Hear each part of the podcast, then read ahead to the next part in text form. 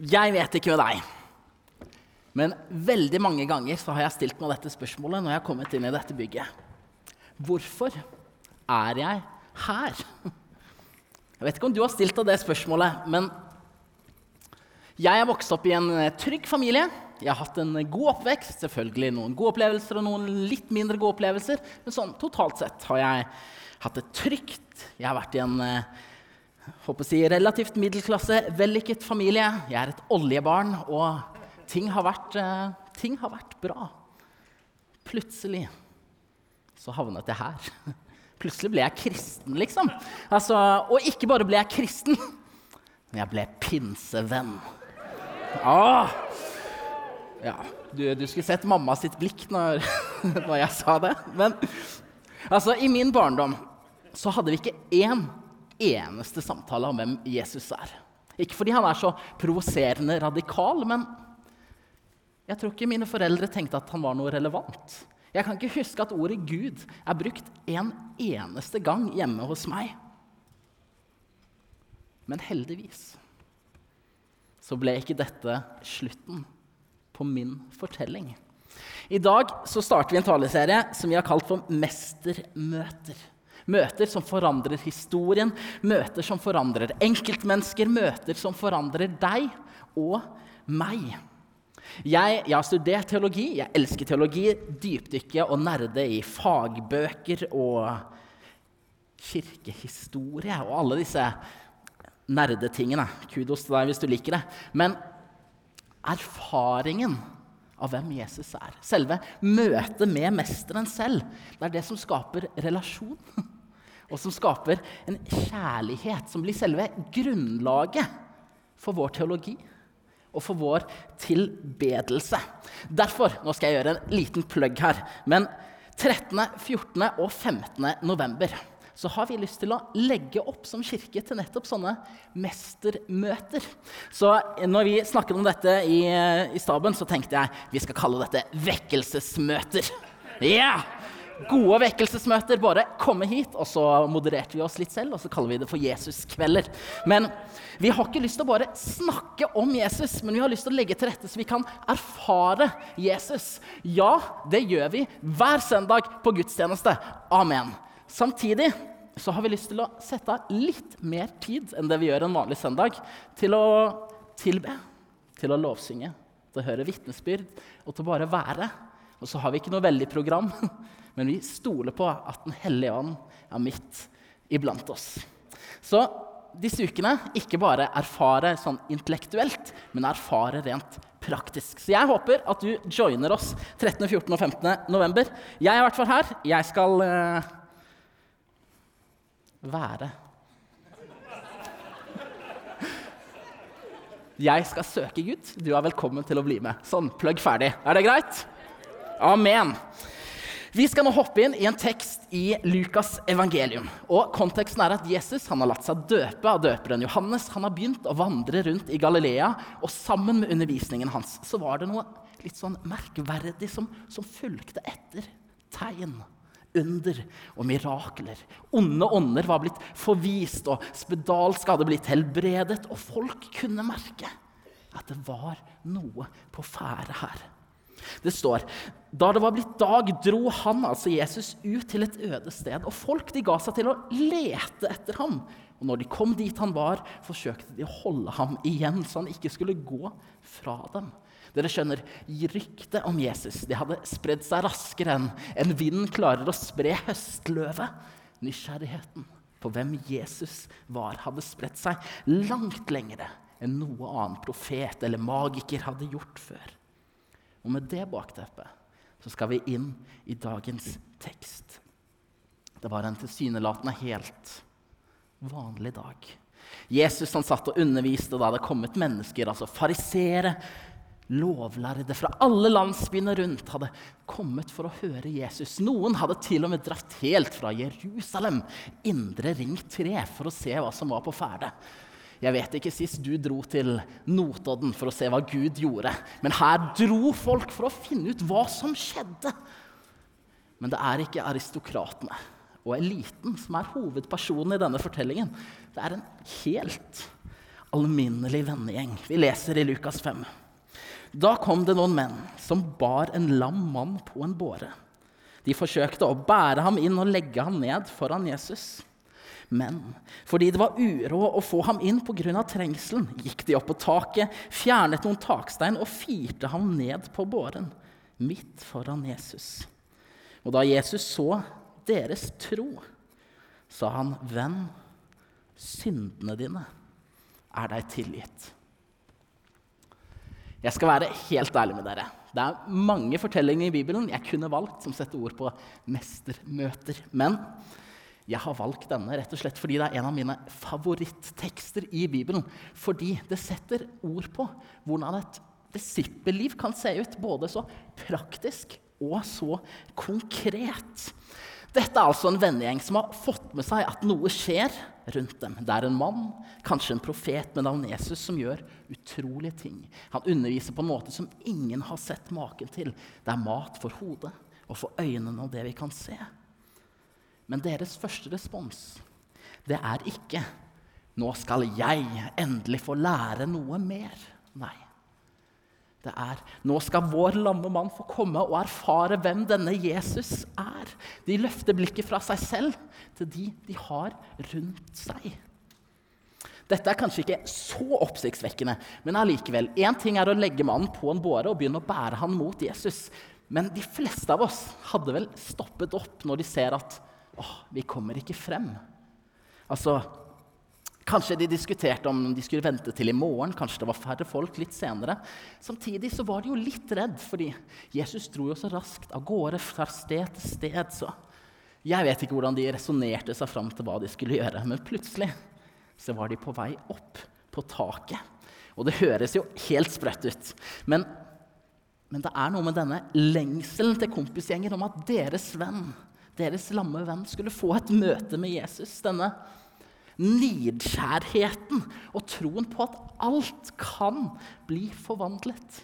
Som jeg elsker. Altså, det høres nesten ut som noen litt sånn ivrige, kreative ungdommer som ikke helt tenker over konsekvensene av det de gjør. Litt sånn som på Oslofest på fredag. Men de bare går på den første ideen de fikk. Men hør. Dette er på en eller annen litt sånn merkelig måte et ideal som vi har lyst til å løfte opp for oss som kirke. For tenk, tenk hvis dette hadde vært kjennetegnet på vennegjengen vår, på fellesskapet vårt og på kirka vår.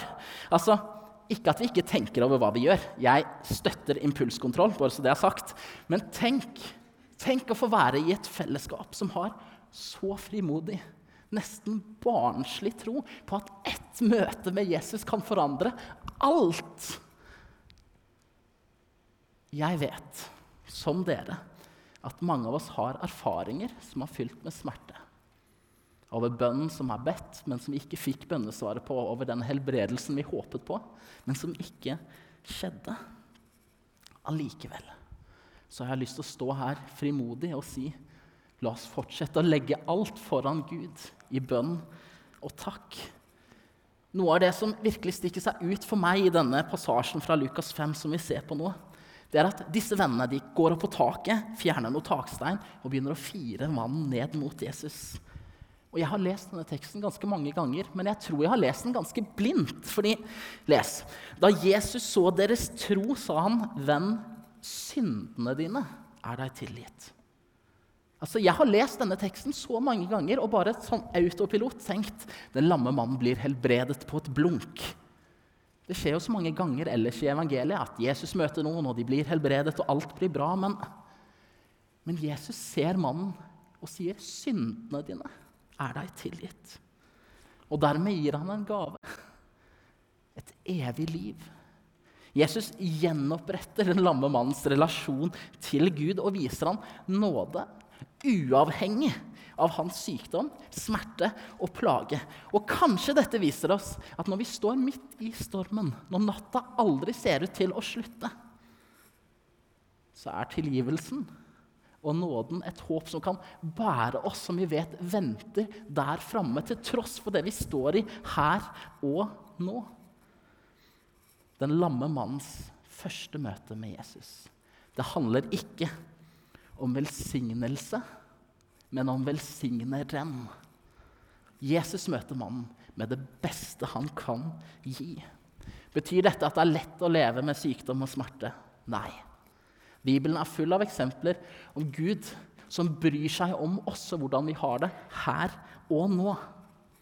Samtidig så er poenget mitt her at i det Jesus-sentrerte fellesskapet så får vi bli båret av hverandre fremfor Han som er livets giver og verdens frelser. Og foran Jesus så får vi erfare tilgivelse og kjærlighet større enn det vi kan forstå her og nå.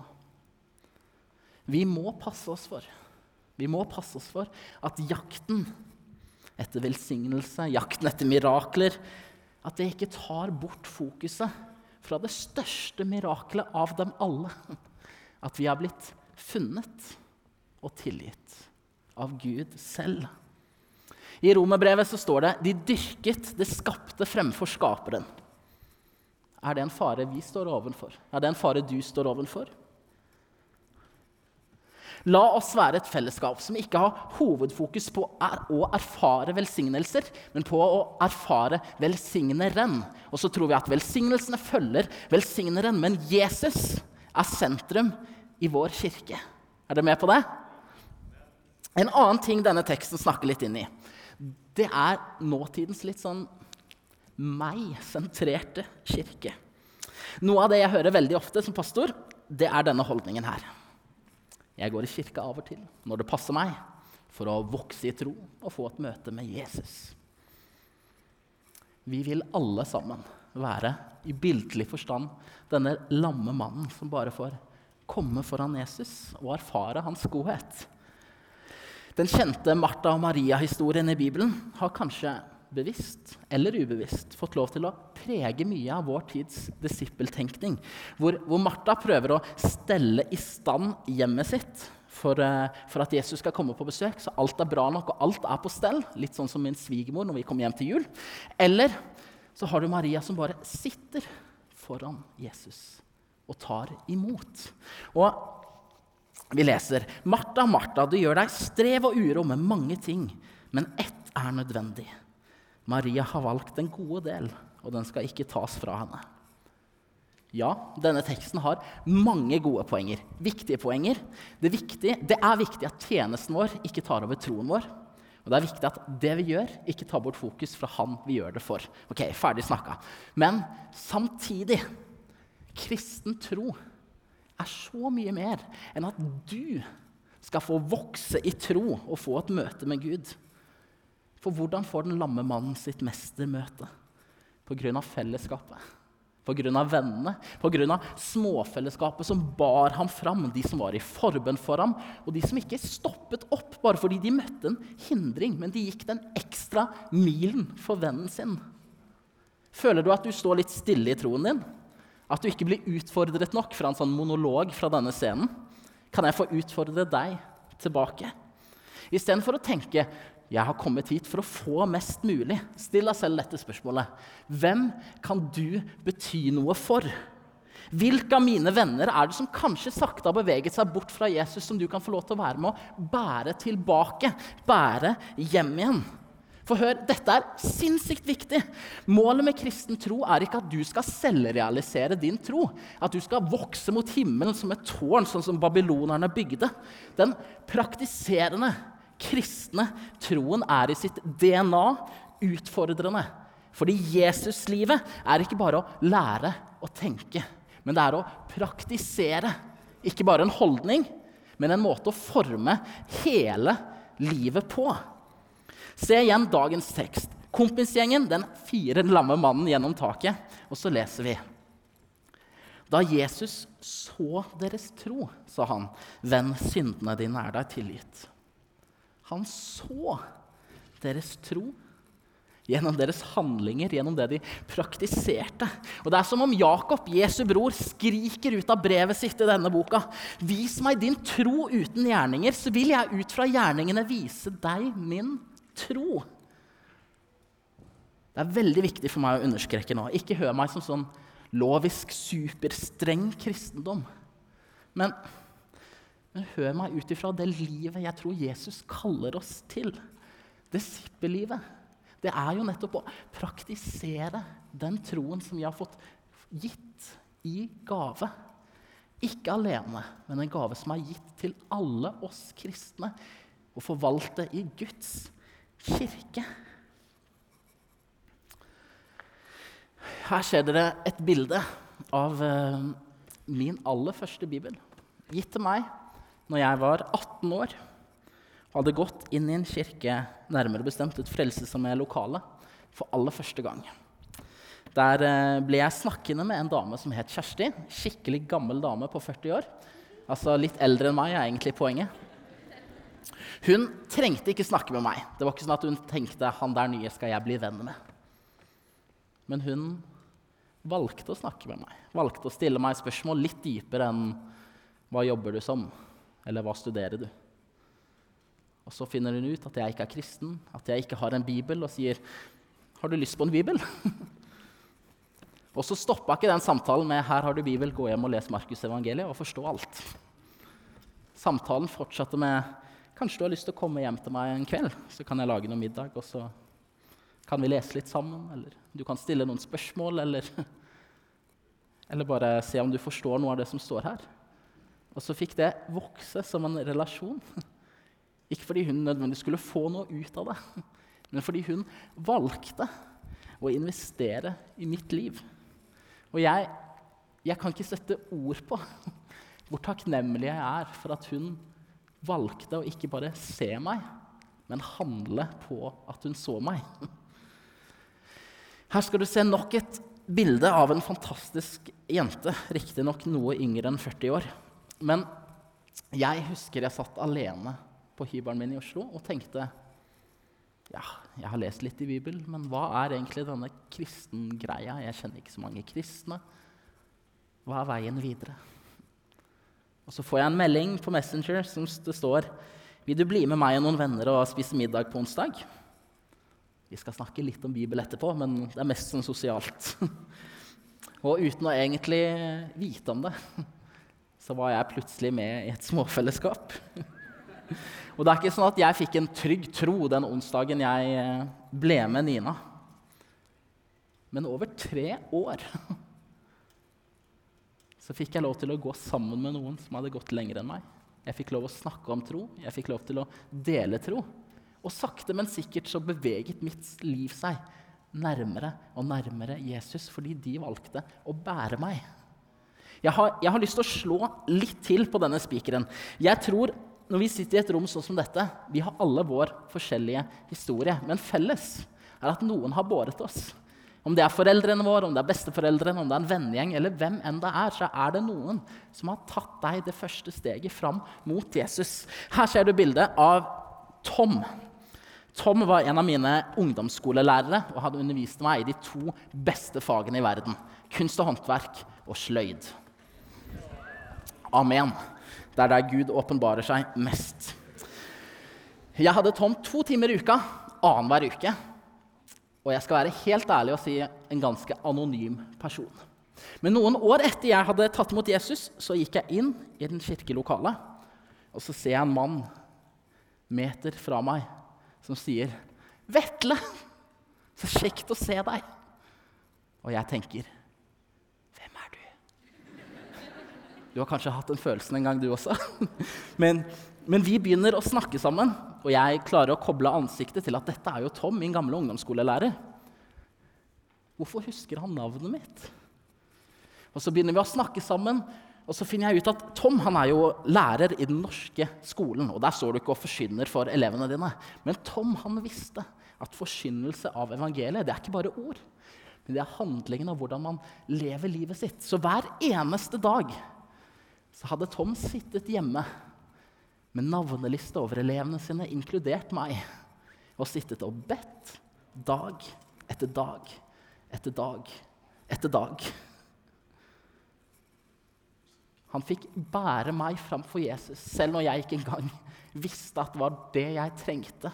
Selv når jeg ikke visste hva han gjorde, så satt han og ba dag ut og dag inn for sine elever. Og Vårt møte det ble veldig sterkt for oss begge, fordi Tom hadde jo gjort dette i flere tiår uten å få se liksom, bønnesvaret eller resultatet av sin trofaste tjeneste.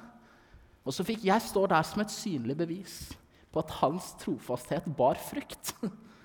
Og så fikk han stå der for meg som en synlig, usynlig bønnekjempe som hadde betydd mye mer i mitt liv enn det jeg kunne sette ord på. Bare for å vise dere litt forskjellige måter av å bære hverandre. Det går mer og mer opp for meg hva menneskene rundt meg har fått bety for min tro. Ofte så tenker vi dette at den konkrete erfaringen jeg hadde da jeg ble døpt i Den hellige ånd, når jeg virkelig kjente noe, eller når det dunka sånn superhardt i hjertet mitt, det er øyeblikket som endret alt.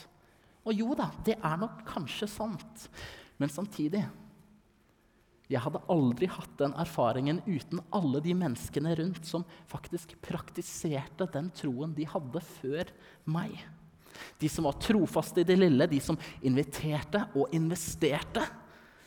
Og jeg tror dessverre at når vi er i en pinsekirke, i den tradisjonen vi er, så har vi kanskje ikke hatt et bra nok språk for å løfte opp det tilsynelatende, litt sånn ikke-ekstraordinære fellesskapet sin rolle i å bære hverandre. Vi lever jo i en tid hvor, uh, hvor, mange tror vi kan være kristne helt alene. Men hør kristne uten kirke er rett og slett ikke sånn Bibelen modellerer Jesuslivet. En av farene er at vi fort blir som en avis uten redaktør, som en, som en blogger uten noen å stå til ansvar for, som en Vær varsom-plakat. Og hva mener jeg med det? Jo, hør nå. Jeg trenger ikke gå i kirke. Jeg har mine sterkeste gudsopplevelser ute i naturen. jeg. Ah, må jeg gå i kirke, da? Det er jo bare sånn Oslo-folk som preker. Jeg, jeg har en sykt bra predikant fra Sør-Afrika på mobilen. Jeg kan bare se på han når jeg vil. Det er en dritbra podkast i USA. Den kan jeg høre på, men gå i kirke Det, er jo, det følger så mye med. Må jeg det? Da har du misforstått det kristne fellesskapets kraft, verdi og ikke minst gudgitte rolle. For det er Jesu kirke og de troendes fellesskap som vi er kalt til å ta del i. Jeg trengte kirke et fellesskap, noen som bar meg, og som inviterte meg inn. Kristen tro det er ikke bare en sånn innadvendt greie mellom deg og Gud. Misjonsbefalingen handler ikke bare om deg, men om oss. De rundt oss. Og hør, jeg trenger deres åpenbaring for å få et større bilde av hvem Jesus er. Jeg trenger å diskutere med noen og snakke om hvordan kristenlivet kan se ut, for å ikke gå meg vill. Det er altfor mange kristne som, som kobler seg av fellesskapet, og som etter hvert utvikler en privat teologi. En teologi som passer rammen i vårt eget hode, men passer i denne boka. Altså, Se dette banale bildet. Jeg vet ikke jeg har lov å parkere her, men erfaringen min sier at det går bra, så jeg gjør det allikevel veldig komfortabelt. Men er det bibelsk? Du som vil bli utfordra i troen din, finn noen å gå sammen med, finn noen å samtale med, og kanskje noen som ikke har kommet dit du er på din vandring med Jesus. La oss praktisere troen. Hør dette spørsmålet. Hvem er din gjeng, og hvem har båret deg? Hvorfor er du her akkurat nå? Det er to forskjellige utfordringer som jeg har lyst til å gi deg. Hvem kan du se rundt deg? Hvem kan du bære? Og hvem kan bære deg når du trenger en skulder? Det er kanskje litt komfortabelt fremdeles, da. Finne vennegjengen din og å være litt sånn i sin egen boble, finne noen trygge personer å gå livet sammen med. Og det er kjempebra, men det ligger en annen utfordring her som koster enda mer. For som sagt, det er ikke bare innadrettet. Vi er kalt til å være et fellesskap som også ser de utenfor vårt eget lille fellesskap. Se de rundt oss. Som mennesker kan erfare Jesus og hans kjærlighet. Jeg hadde en oppfølgingssamtale med en som kom til tro her i kirka i fjor. Og fra det punktet han hadde blitt kristen, og de neste tre ukene, de neste tre gudstjenestene, så hadde han invitert 15 stykker med på gudstjeneste i kirka. Og så kan man si halleluja og liksom tenke dritkult. Men jeg skal innrømme at det traff meg skikkelig med en sånn Hvor mange har jeg invitert de siste tre åra? Og ikke bare sånn invitert på gudstjeneste, sånn overfladisk, men, men, hvem har jeg invitert inn i livet mitt til å gå sammen med meg? Hvis jeg tror at når jeg er kristen, at hvis noen går med meg, så kanskje jeg kan få de nærmere Jesus. Det tror jeg jo på. Men hvorfor sitter det så langt inne? Ikke som en Afrikamisjonær, men som en hverdagsmisjonær. Eller hvis du syns dette misjonærordet er litt sånn stort Hør. Er ikke det å forkynne evangeliet, å leve ut evangeliet, nettopp det det vil si å være en disippel, en etterfølger av Jesus? Det er viktig for meg å presisere at når jeg stiller deg spørsmålet 'Hvem bærer du?', ikke tenk sånn instrumentalistisk og feil. Altså Jesus frelser. Vi bærer fram til ham. Mennesker er ikke bare tomme sjeler som skal frelses, men mennesker er mennesker med historie, med liv, og som vi kan ha relasjon til. Så ikke still deg 'Hvem skal jeg frelse?', men 'Hvem kan du gå?' sammen med, relasjonen i spørsmålet. Og hvis svaret ditt nå er 'jeg kjenner ingen som ikke er kristne', så er kanskje dette dagen for å trå ut av den kristenbobla di. Det er mange fantastiske mennesker som ikke har hørt om Jesus ennå, og som trenger deg.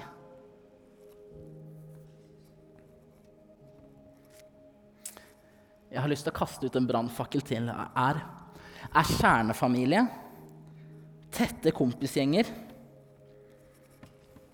og folkehøyskolegjenger en trussel mot det jeg har delt.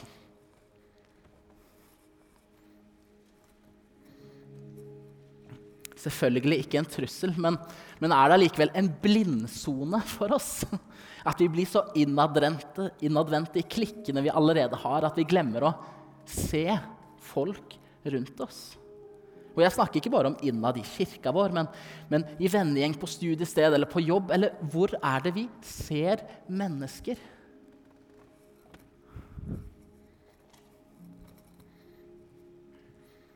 Hvem kan du bære?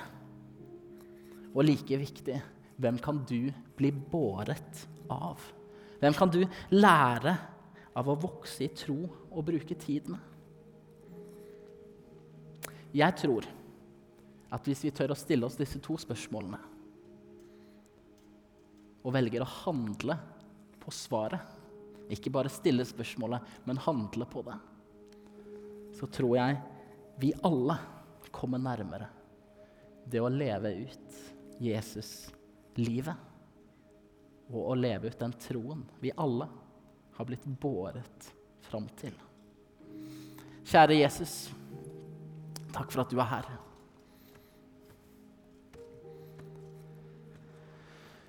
Gode, gode Gud. Takk for at det er i deg vi lever, beveger oss og er til.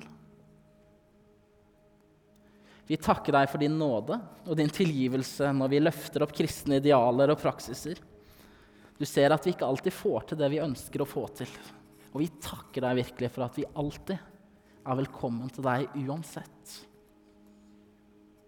Men samtidig så ber vi Jesus om styrke til å klare å leve ut drømmen. Til å klare å leve ut det livet vi vet du kaller oss til. Hjelp oss å gå på ditt ord. Hjelp oss å gå med deg. Hjelp oss å se mennesker og løfte blikket fra oss selv.